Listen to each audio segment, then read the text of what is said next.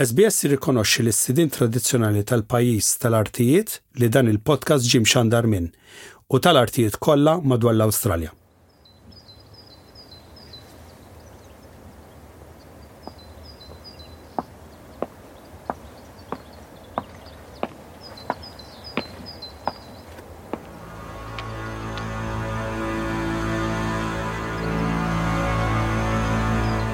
Bill McGregor, turist Ingliż ta' 44 sena, kien għadu kemm daħal l-Imdina. Kellu faxxinu għall-istorja u allura vakanza f'Malta ġġustifikat ir-raġuni li jkun hemm. Kien frar ta' 1979 Malta bdiet tiftaħ l-ekonomija tagħha għas-settur tat-turiżmu, speċjalment għas-suq Brittaniku.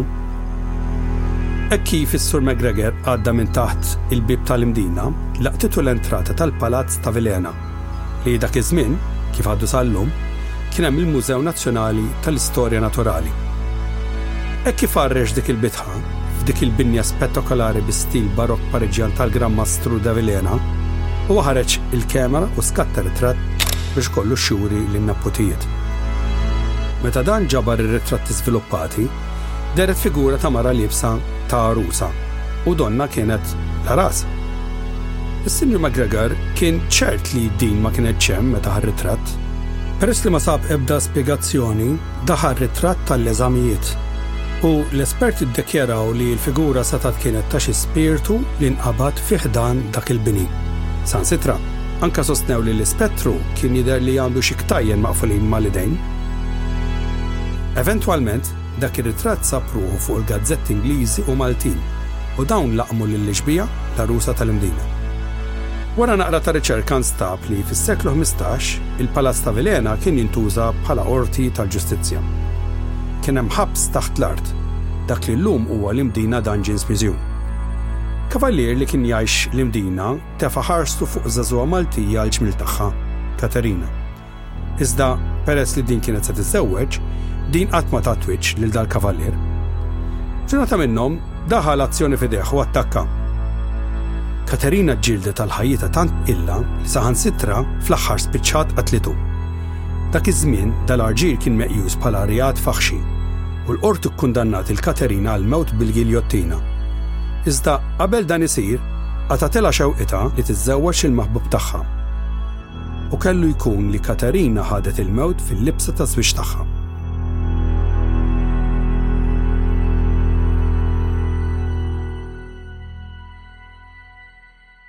Insammilkom, jira Murmizzi u b'dar rakkont mill-ktib ta' Joseph Attard The Ghosts of Malta Nistedinkom għat-tieni episodju ta' dal-podcast li ħirsa f'Malta.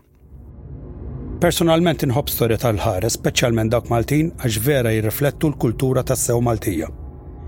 Għalkemm dal-podcast huwa fuq is-suġġett ta' ħirsa, jinsa nkun qed nispjega elementi kulturali Maltin, kif kienu fil-qedem u kif inbidlu għallum. Ser inkun qed nistaqsi minn fejn tnisslu dawn l-istejjer u kif sabu ruħhom fis-subkonxju kollettiv Malti. Il-mistednin tiegħi ser jgħinuni nispjega dan permezz ta' esperjenzi, studji jew kitba li dawn qanqlu. Iżda meta dan is-suġġett jasal għal punt fejn persuna jemminx jew le, ser inżomm dal-podcast suġġettiv biex jekk xi ħadd ma jemminx fil-paranormal, dan jew din tkun xorta tista' ssib l-episodji informattivi u divertenti.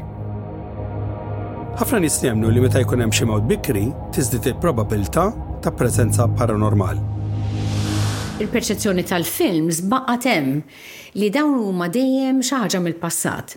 Issa jien meta kont qed nagħmel ir-riċerka għall-istejjer, waħda mill-affarijiet, li forsi tispjega xi tip tal-ħirsa, mhux kollax, kull storja hija differenti. Ikun hemm ħafna drabi meta int tara xi ħaġa, mara jew raġel dejjem liebsa jew liebes bl-abjad. Hekk ikollok xi ħadd li jmut, is-soltu jkun hemm minn ħajja għal mewt u jkun hemm dik it-tranżizzjoni. Dik it-tranżizzjoni forsi tkun pjuttost twila.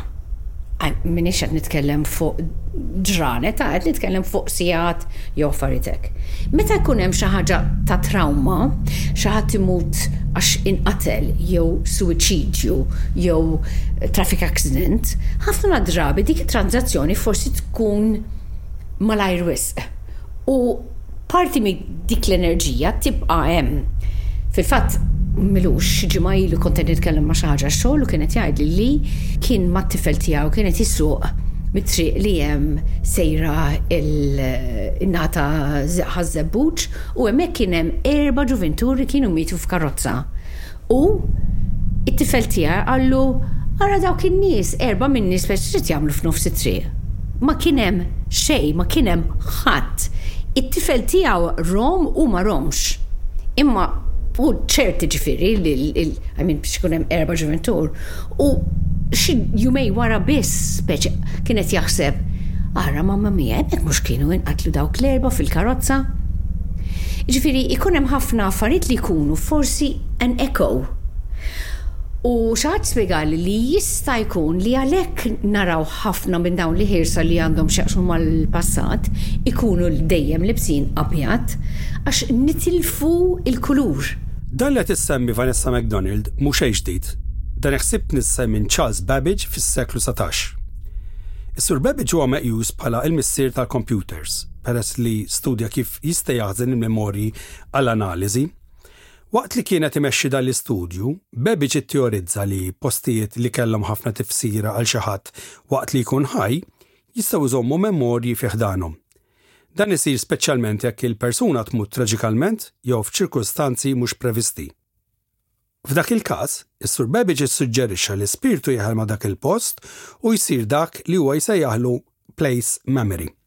Allura, dit-teorija kkonsolidat il-perċezzjoni għala spirtu jeħel ġo post u mhux ġo ieħor, Il-fatt huwa proprju għalhekk li l-biċċa kbira tad-delettanti tal-paranormal ifittxu spjegazzjoni storika għal xi manifestazzjoni. It-tlett ibliet huma miżgħuda bi djar qodma.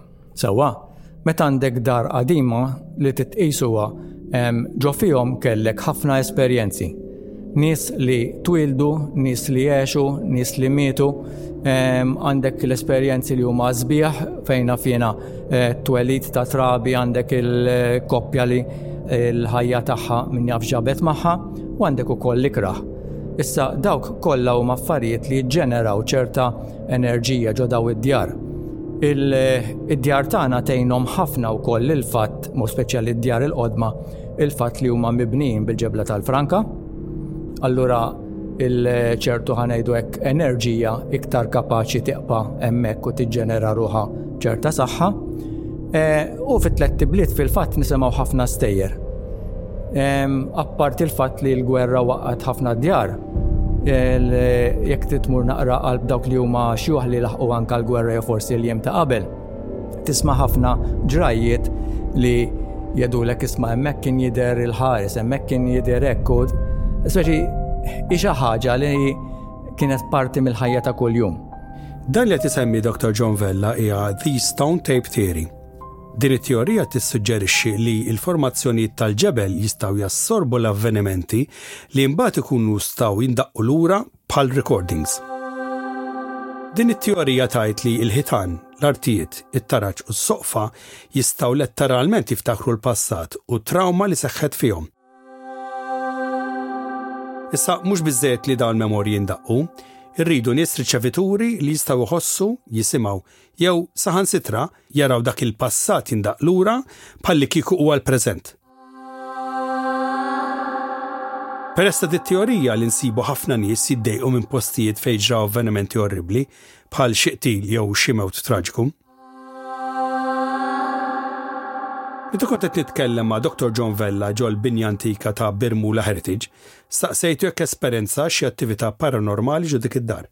Eh, ija, f'din id-dar interessanti ħafna huwa l-fatt li aħna fil-bidu meta bdejna nirrestawraw dan il-post, eh, mal-ewwel indunajna sma li ma konniex iktar waħedna. Deriet ġifiri jiena personali rajt ġew.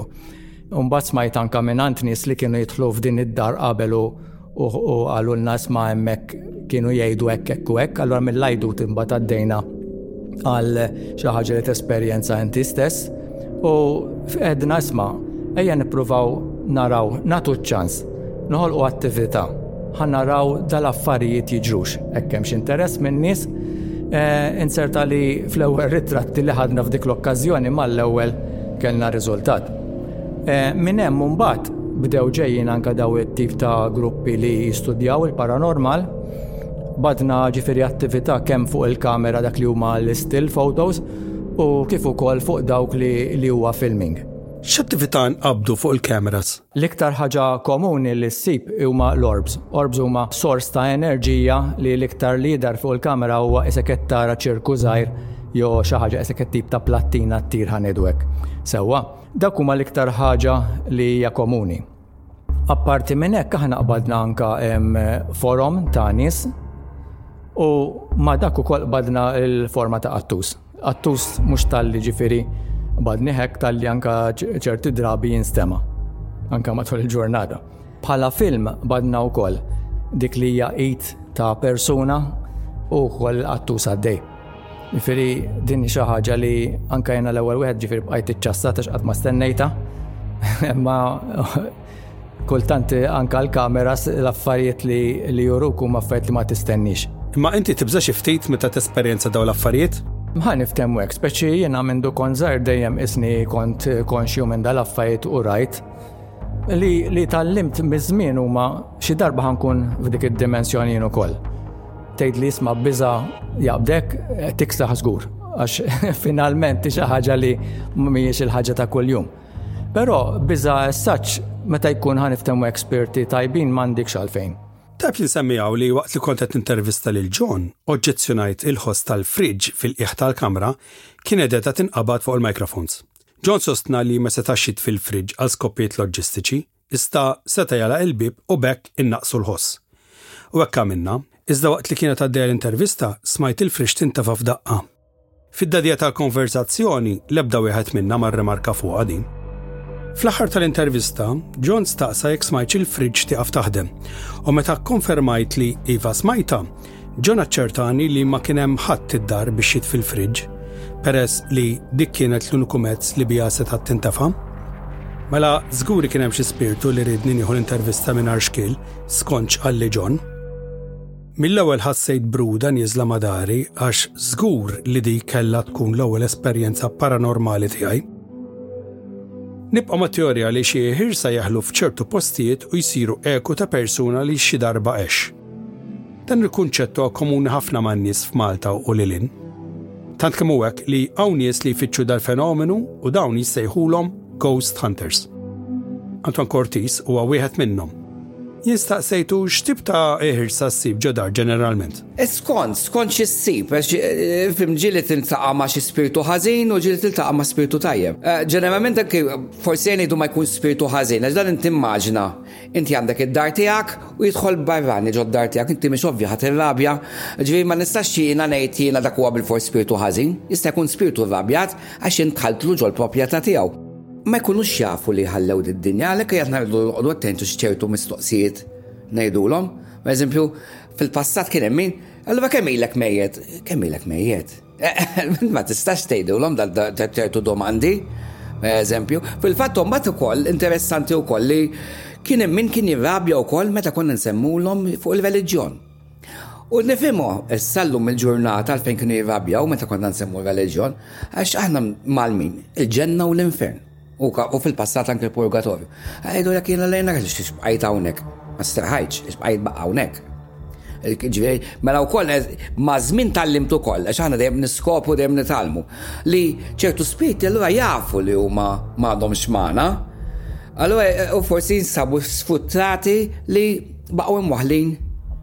Ġo ġo d-dinja tagħna li ma ma straħux.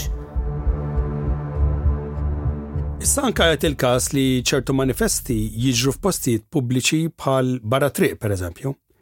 Charmaine Buġeja, interpretu storiku u organizzatur tal-mixjiet tal-ħirsa madwar diversi lokalitajiet f'Malta, għalkli li Dal-aħħar ukoll smajt xi ħaġa riċenti li ġrat aħna bħalissa qegħdin ġewwa Bormla u xi ħaġa li Ukoll smajt f'wieħed minn dawn it-tours kien hemm raġel li kien imwerwer għaliex ehm, eh, semma rapport dan kien jaħdem fassa tal-pulizija u eh, daħal rapport li raġel li kienet jimxi kmini fil-ħodu f'daw l-inħawi hawnhekk viċin ħafna tal-birgu u l-entratura tal-birgu jtisseħ kuf reports u hemmhekk hemm bridge.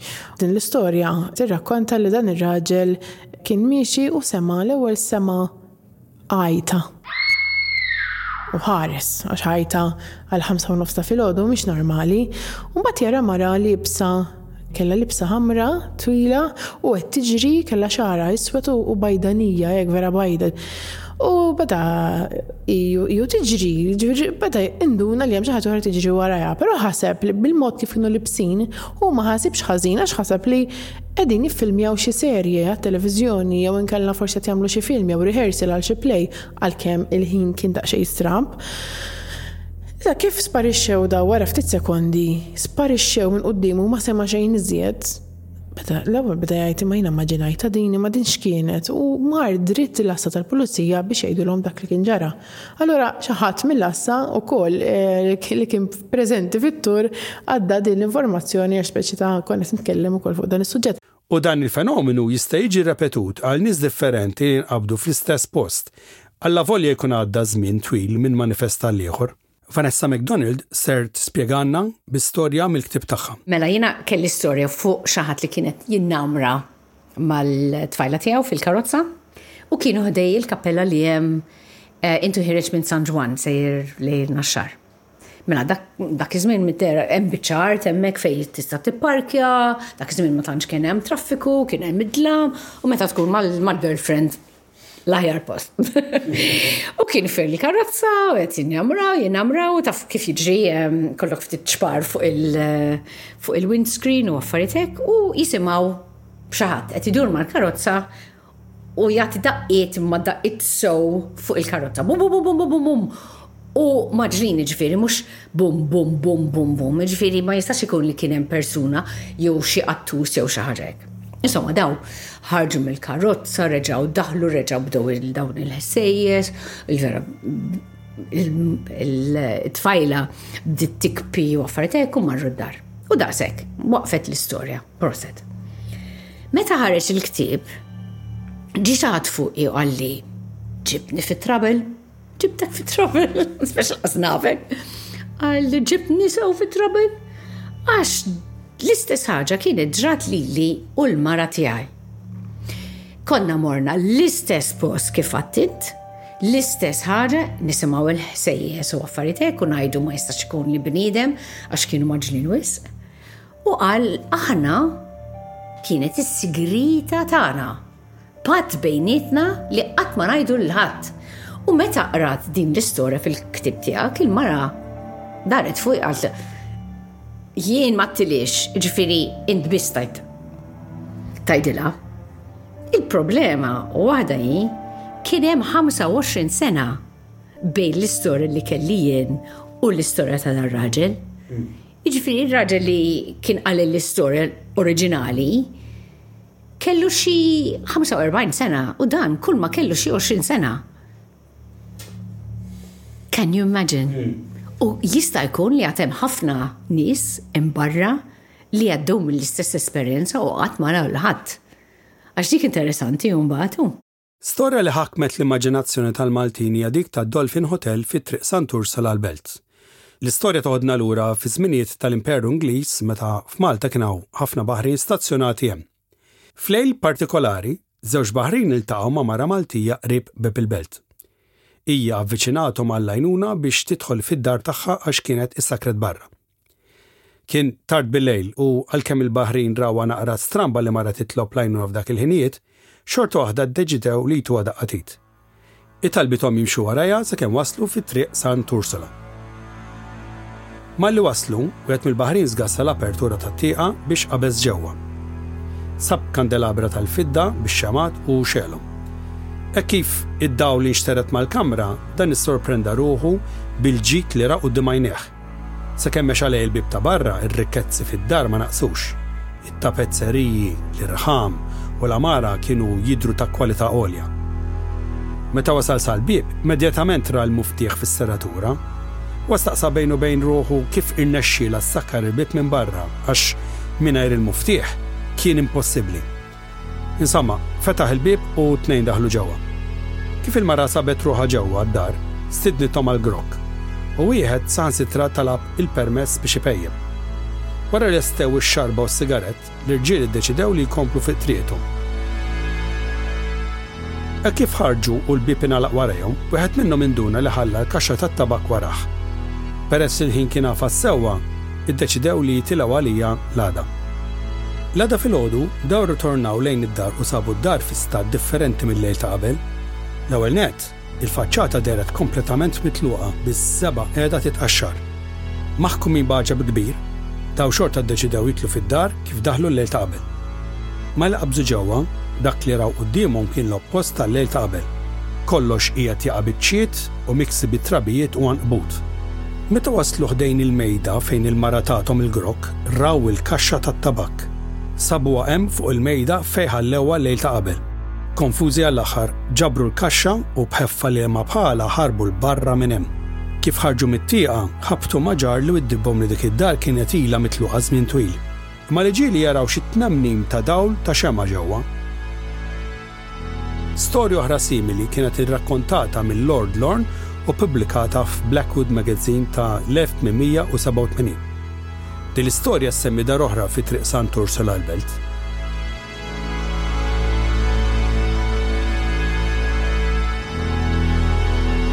Storja bħal din, għalavolja impressjonanti, ma tista' qatt issib il-validità tagħha għal diversi raġuni. L-ewwel raġuni tkun għax l-istorja ntqalet ħafna żmien ilu u dawk li qaluha m'għadhomx magħna. It-tieni raġuni hija li din l-istorja għandha sekwenza pjuttost twila. Allura kell nistaqsi il-Dr. Albert Bell, soċjologu u lettur avvanzat fl-Università ta' Malta, Jekk aħna l-Maltin lestix biex nemmnu kollox malajr minħabba f' ir-rol kbira f' tal-fidi fuq is-soċjetà Maltija. Ara, f' f'kuntesti Latini pjuttost kattoliċi għandek dan l-element li jagħmlek iktar forsi aware ta' ċertu possibilitajiet, ta' ċertu forzi sopranaturali, U għandek ħafna iktar element ta' passjoni, ta' emozzjoni milli għandek f'pajjiżi nordiċi fejn inti normalment jaħkem ħafna s-sens ta' razzjonalità. X'hekk naraw karatteristika importanti versu anka l-Katoliċiżmu.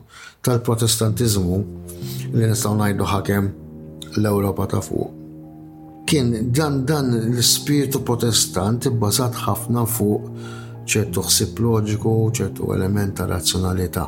Fil-kuntest iktar Latin Kattoliku, mhux m'hemmx ta' razzjonalità hemm, imma ħafna iktar aktar spazju għal bniedem iktar emottiv Hemm għad hemm ħafna spazju għal manifestazzjoni ta' emozzjoni tal-imħabba ta' sens ta' komunità, ta' familja. U f'Malta naħseb hija riflessa daw il-kontesti.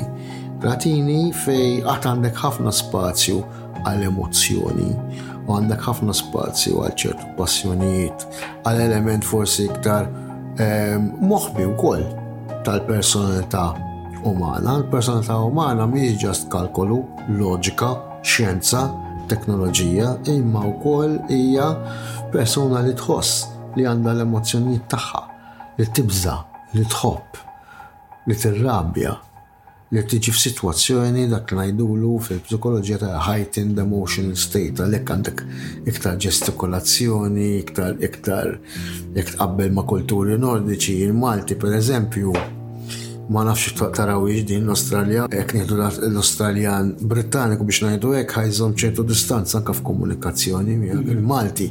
Waqt li titkellem miegħek ħajġestikola kif qed nagħmel jien bħalissa. U probabbli kif kum hawnx dil-mejda, kapaċi anka forsi jolqotlok idejk jew saqajk taf kif x'qed ngħidlek hemm ħafna iktar komunikazzjoni intima nistgħu ngħidu hekk fil-kultura Mediterranja. U din naħseb dal karatteristiku mbagħad jagħti lok ukoll għal ċertu stejjer xi nitlu stejjer tas-sapranatural. Taf kif hmm. ikunu tipiċi għal kuntest Mediterranju f'dak każ għal kuntest Malti. Dan kollox ikenna likom illum Nixtieq nieħu l-okkażjoni biex nistidinkom għal episodju li jmiss fejn se niddiskutu l-fidi nisranija fil-kuntest ta' dawn l-istejjer tal-ħares. Peress li qed nitkellmu fuq stejjer paranormali Maltin, ma nistax nelimina l-element nisrani u kif dawn rawmu ċertu rakkonti. Sadanittant, Inħeġġiġkom biex ixxertu dal-episodju fuq is-siti soċjali tagħkom ħalli nagħtu saħħa lill-istorja Maltija kif tiġi għalikom minn fuq il-pjattaforma tal-SBS bil-Malti. Għal dal-boħra, insellimkom u grazzi tal-li segwejtuna.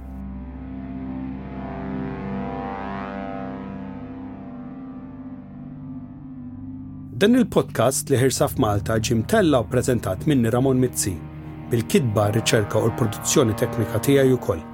Nixtieq nirringrazzja lill-mistednin li ħadu sehem f'dan l-episodju, Vanessa McDonald, Dottor John Vella, Antoine Cortis, Charmaine Bugeja u Dottor Albert Bell. Nirringrazzja lill-kollegi tal-SBS għall-għajnuna li ġejt mogħti minn Joel Sapel, Caroline Gates u Joe Washa.